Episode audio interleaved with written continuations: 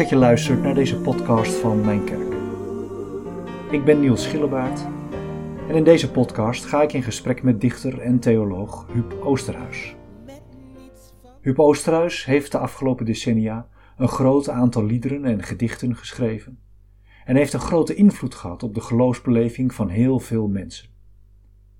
Ik spreek met hem in september 2020 in de Rode Hoed in Amsterdam, op een moment dat het coronavirus veel in het nieuws is.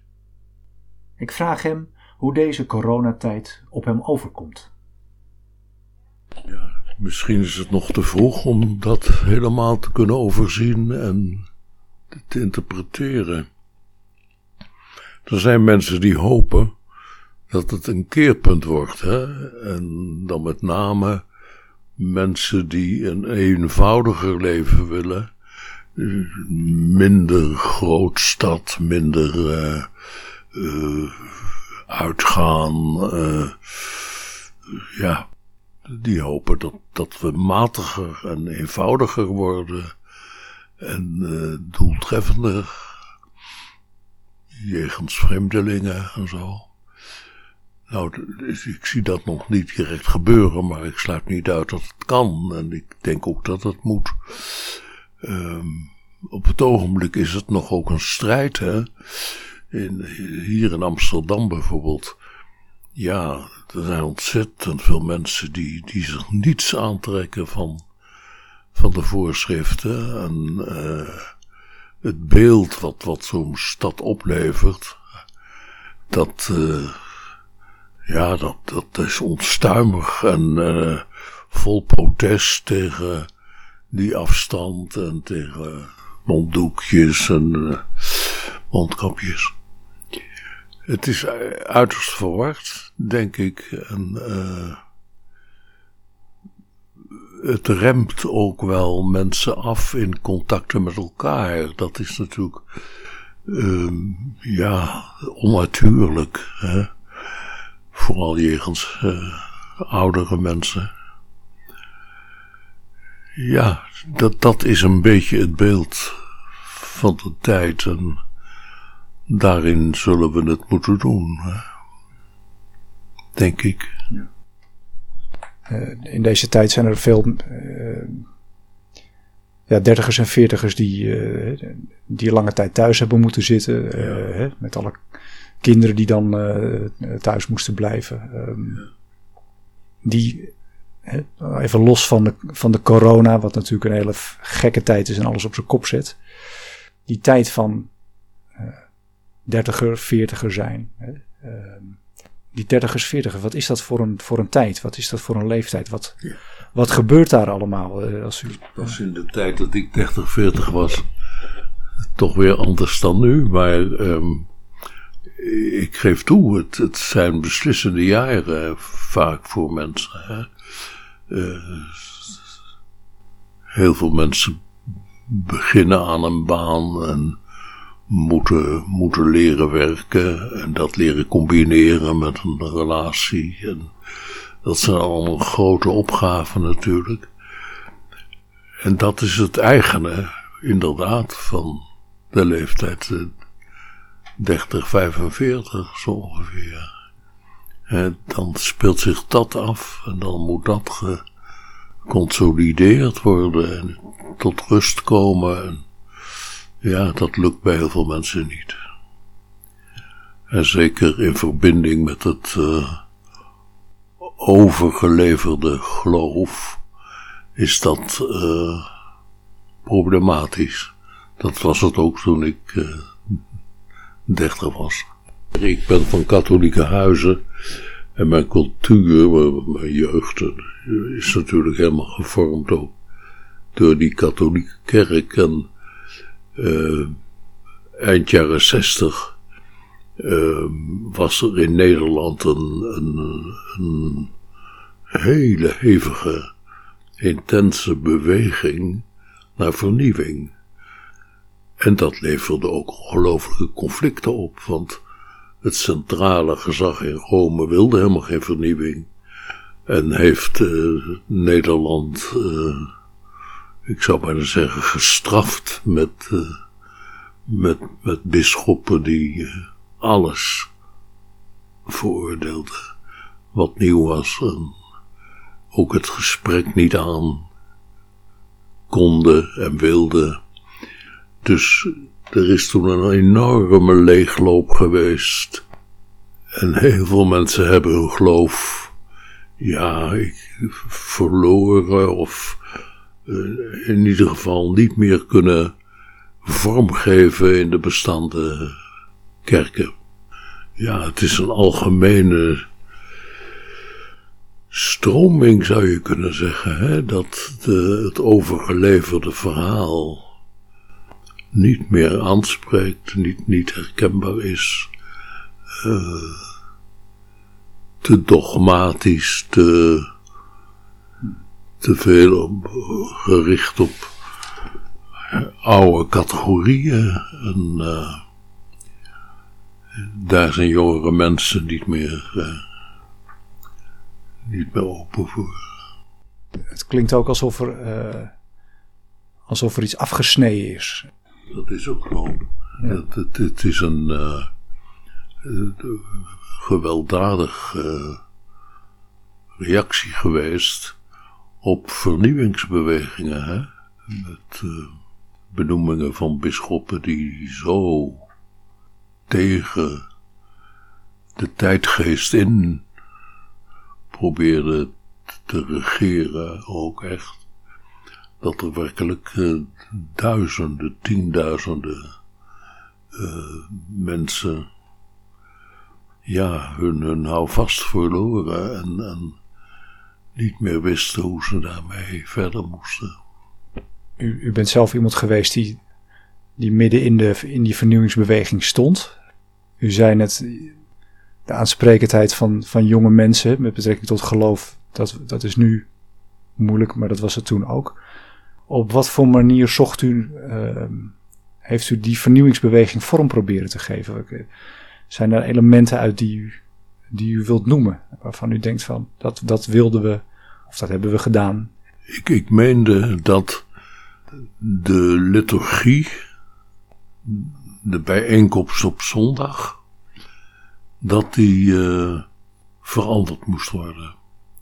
Die speelde zich af in het Latijn, maar niet alleen in het Latijn, ook in een vormentaal van uh, gezaghebbers en uh, priesters verkleden zich als halve koningen. En met dienaren die, uh, nou ja, zo'n heel systeem, middeleeuws systeem, dat moest verdwijnen. Dat, dat bood geen ingangen meer. Het belangrijkste instrument daarbij, naast schriftuitleg, uh, een prediking die steeds weer opnieuw de grondwaarde, de grondwoorden van het Bijbelse verhaal probeerde te spellen, waardoor je tot een ander godsbeeld kwam. En dat moest je kunnen zingen, vond ik. Want uh, ja, zingen is, is, is in het Nederlandse volk een, uh, een, een, vorm die geliefd is. Dus ik heb geprobeerd nieuwe liederen te schrijven rond een nieuw godsbeeld. Dat uh, leverde ook aanzetten op tot prediking en tot, ja, tot, tot cursussen zou ik zeggen. En dat heeft, um, ja, dat, dat is er nog, dat functioneert nog. Uh, voor veel oudere mensen, die nu ouder zijn, uh, heel intens. Voor jongeren minder. Maar het is er nog wel. Ik meen ook te horen dat, dat de vernieuwing, dat die zit in, de, in het godsbeeld. Ja. In de, in de taal en in de, in de muziek. Een, een woord als almachtig, hè? Ik, ik denk dat ik het nog weet wanneer ik voor het eerst dacht dat woord is geen Bijbels woord. Dat is een Grieks woord. De God van de Bijbel is helemaal niet almachtig. Die uh, is net zo machtig als mensen goed zijn. Nou ja, zulke inzichten die je opdoet, opdelft uit de tekst van, van, van de Joodse Bijbel. En de manier waarop die Joodse Bijbel in het Jodendom zelf ook gebruikt en gelezen en geïnterpreteerd is. Dat heeft een hele grote invloed gehad. Ik, uh, ik heb Joodse leermeesters gehad die, uh, die heel beslissend waren voor me. Maar het begint bij eenvoudige dingen. Een woord als almachtig. Het woord Heer alleen al ook, hè? Uitgesproken meestal als Heere. Heren, Heren. En dat dan als vertaling van de godsnaam zoals die in de Bijbelse geschriften wordt gebruikt. Ja, het was in mijn, mijn jongere tijd begon natuurlijk het verzet tegen dat eenkennige masculine woord heer. En ontdekten we dat in het Bijbels Hebreeuws dat er helemaal niet stond. Dat is een latere invulling geworden van, dat, van die onuitsprekelijke naam. En die onuitsprekelijke naam, die heeft als strekking bevrijding van mensen uit alle vormen van onderdrukking en eh, verslaving. Uh, het symbool daarvan is natuurlijk het slavenhuis van Egypte, de tocht door de woestijn, maar het is natuurlijk heel mogelijk om dat toe te passen op de actuele situatie in deze wereld, waarin de rijken rijker worden en de armen armer en Nederland beschamend ongastvrij is tegenover vreemdelingen. Dat kwam allemaal naar boven. Dat werd de inhoud van je religieuze bestaan. En dat is het nog, vind ik. De God die in de Bijbel de God wordt genoemd, is een bevrijder. God bevrijder.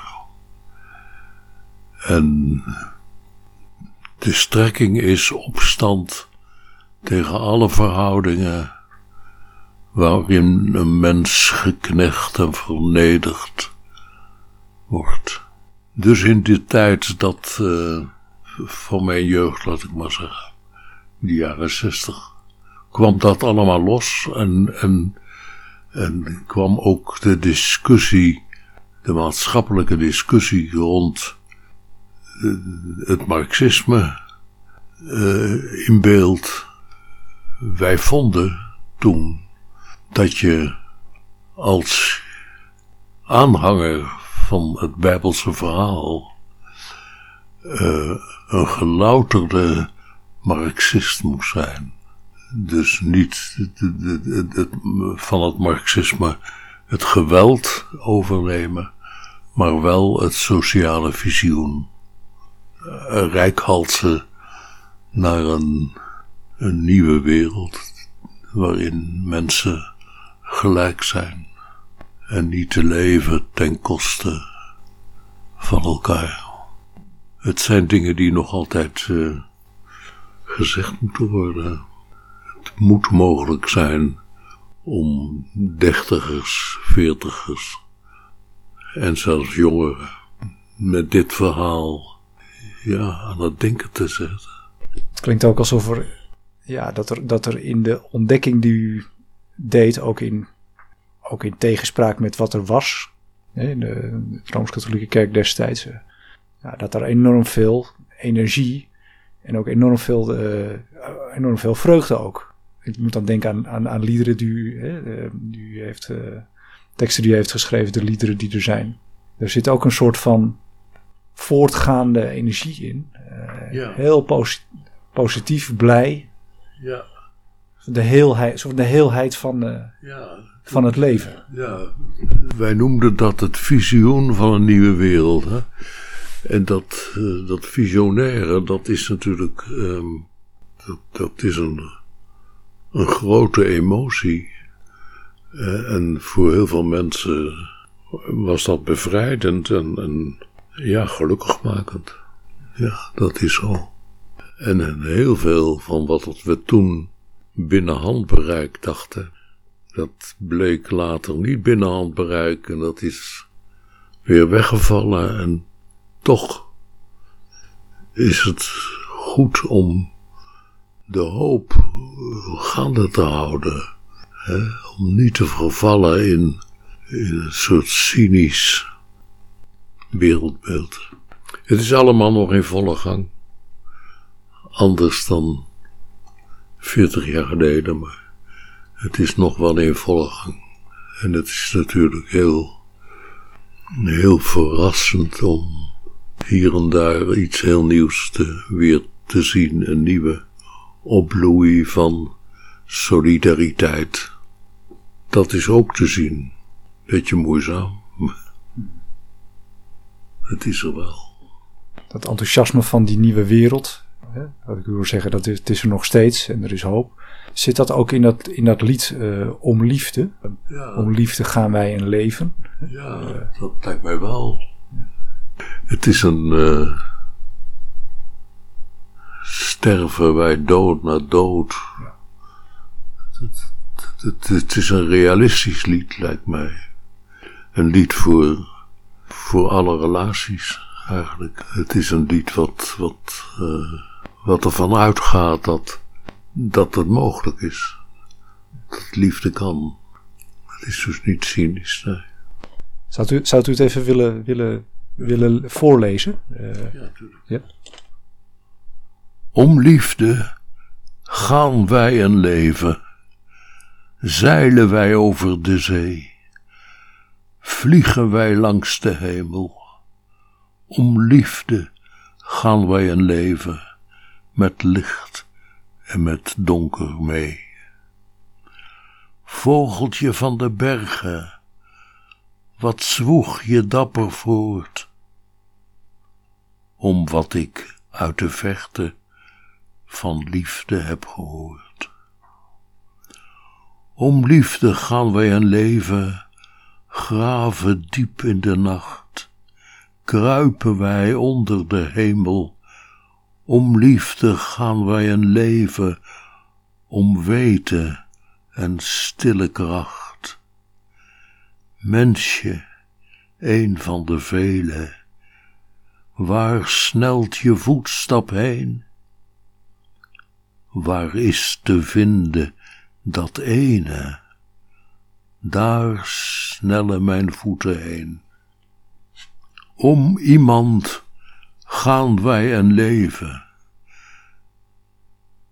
Wagen wij dood na dood. Zwerven de verste wegen. Om jou op hoop van zegen mijn liefde, mijn reisgenoot. Dalen van zwarte aarde, bergen van hemelsblauw, om alles ga ik dit leven, om alles of niets met jou. om, om liefde, een, een, een, liefdes, een liefdeslied. Hè? Er komt ook een persoon in voor. Hè? Dus om jou. Is dat altijd een. eh, voor u, is dat altijd een mens? Of, nou, ik moet denken, is dat ook Jezus? Hè? Op hoop, op Ja. hoop van zegen. Eh, Wat u wil. Ik eh, heb het probeer- geprobeerd zo te schrijven dat het een en het ander mogelijk is, en daarin zit. misschien is dat ook wel, denk ik, dan de, de ruimte en de, de vrijheid om de mensen hun eigen beleving te laten hebben. Is zoals u Ja. ook in uw, in uw eigen werk altijd heeft proberen vorm te geven. En ook waar we in het begin over hadden, over de, met betrekking tot de kerk en de gemeenschap en de taal en de beweging die u... Ja. Dat uh, is in veel liederen van mij, uh, heb ik dat geprobeerd, om, om die openheid te, te, te suggereren. Liefde is natuurlijk een, een omvattend woord.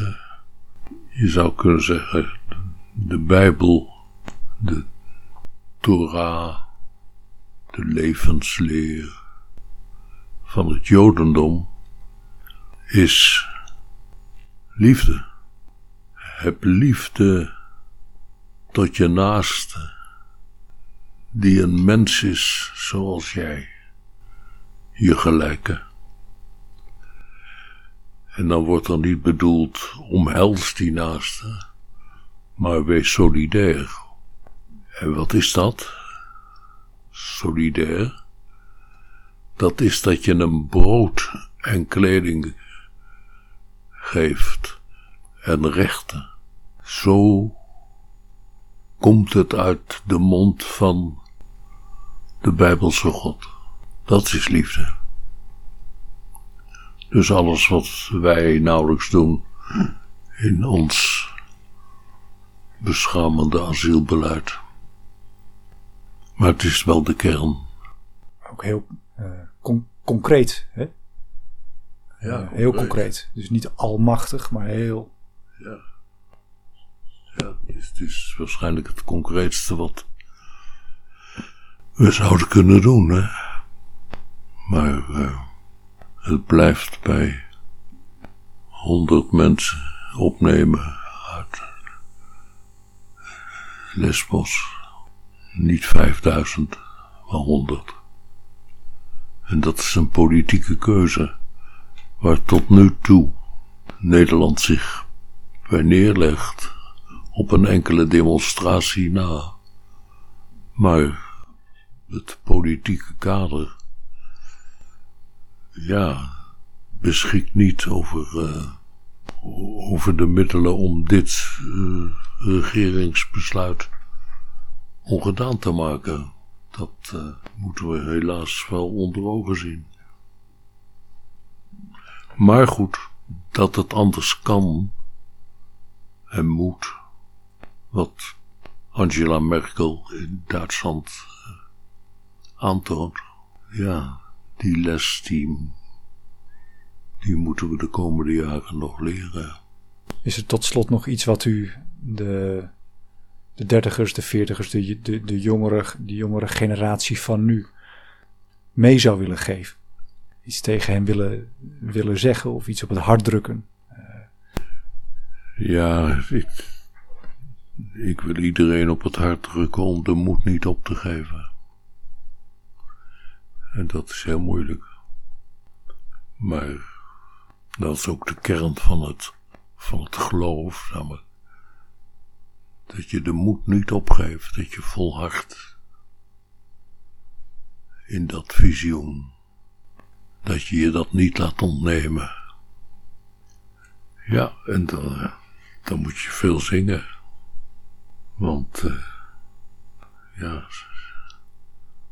Zingen komt het dichtste bij het visioen. Je kan zingen wat je soms niet kan zeggen. Als je het zegt, dan klinkt het protserig en. Als je het zingt, ja, tot je eigen verbazing, doet het dan met je wat iets anders niet doet. Het tilt je op, het, het houdt je staande, hoop ik. Wat kunnen kerken doen in deze tijd om dat, nou, om dat over te dragen, om op plek en plaats te zijn voor de dertigers en de veertigers, de jongere generaties van nu? Wat, wat zouden kerken daarin kunnen doen? Heeft u daar een idee bij? Ja, ik denk toch aan vitale, energieke liturgie. Maar liturgie is natuurlijk een, een beperkt woord, maar uh, de samenkomsten, die moeten aanstekelijk zijn. Dan moet je dus muzikanten bij halen, gitaren en fluiten. Het, het moet eh, met dat soort uh, middelen aantrekkelijk worden gemaakt. Er, worden heel veel liedjes geschreven en er zijn nog ontzettend veel muziekgroepjes die dat graag doen. Ook weet ik uit ervaring in kerken.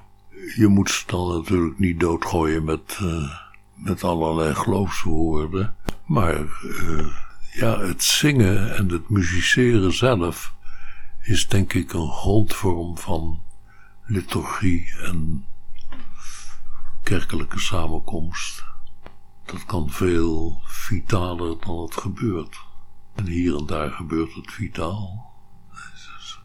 En merk je ook dat mensen, ja, daardoor uh, komen. Wij merken dat hier ook. Dat, uh... Het doet me ook denken aan uh, wel eens in Paradiso geweest. Met een concert en de muziek en de lichten. Ja. uw, uw, zoon cheert en uw dochter ja. het treintje zijn. Daar zit ook volgens mij die is dat vergelijkbaar met elkaar, liturgie en, uh, en wat er in ja, een concert ja, gebeurt? Uh, zij doet op haar manier ook, ook, ook, uh, ook aan, aan, liturgie voor kleine groepen. En ja, ze zingt ook liedjes van mij, wel. Maar dat, dat heeft altijd een, een opvrolijkend, een optillend effect. En het kan ook in, in, in klein verband. Je hoeft niet uh, dat met grote koren te doen, of dat kan dus even niet. Maar um, er blijven nog genoeg mogelijkheden over om via die muziek het, het, het, vlammetje aan de gang te houden. Ja. Meneer Poosterhuis, dank u wel voor dit uh, gesprek. De wijze woorden. Leuk dat je luisterde naar deze podcast van Mijn Kerk. Voor meer podcasts, blogs, vlogs of andere informatie kun je kijken op www.mijnkerk.nl. En je kunt ons ook vinden op Facebook en Instagram. Leuk dat je luisterde en tot de volgende keer. Niets jij begonnen,